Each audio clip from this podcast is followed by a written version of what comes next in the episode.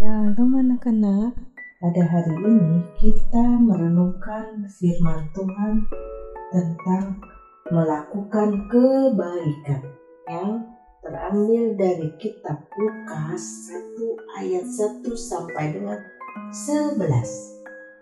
Anak-anak, kalian pernah tidak terjatuh lalu terluka? Waktu kalian terjatuh dan terluka, apa yang kalian harapkan?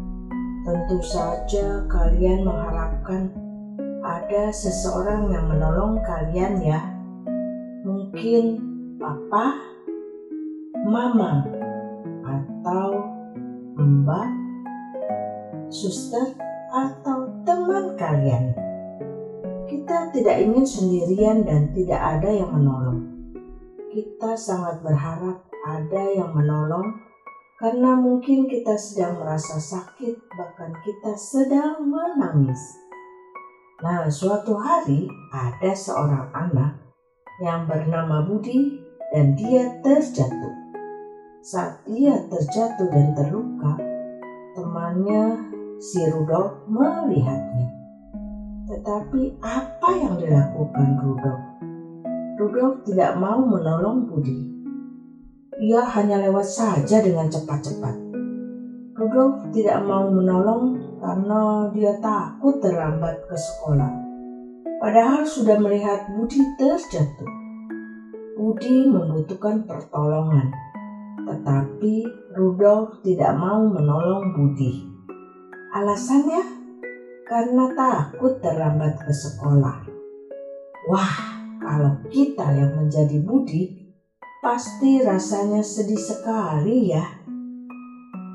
Nah, anak-anak, di dalam Alkitab pernah dicatat suatu, suatu waktu ketika Tuhan Yesus mau masuk ke dalam rumah ibadat.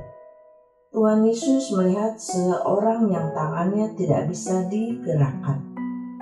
Ketika Tuhan Yesus melihat orang yang sakit itu, apa yang dilakukan Tuhan Yesus? Lewat saja membiarkannya? Saat Tuhan Yesus melihat, maka Tuhan Yesus berbelas kasihan. Tuhan Yesus ingin menyembuhkannya. Padahal kalian tahu, waktu itu Tuhan Yesus harus mengajar, tetapi Tuhan Yesus tetap mau berbuat baik kepada orang yang sedang sakit. Tuhan Yesus menyembuhkan orang yang tangannya tidak bisa digerakkan itu. Kemudian baru Tuhan Yesus mengajar. Apakah kamu pernah kesal seperti Budi? Budi merasa sangat kesal, temannya takut terlambat ke sekolah sehingga tidak mau menolongnya. Budi merasa temannya tidak baik kepadanya. Tuhan Yesus tidak seperti itu. Ia selalu bersedia menolong kita kapan pun kita memerlukannya. Kalau kamu ingin berbuat baik, tentu Tuhan Yesus sangat senang.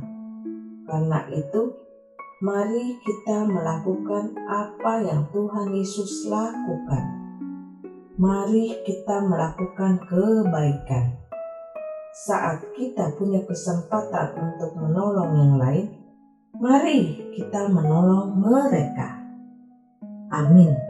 Tuhan Yesus memberkati.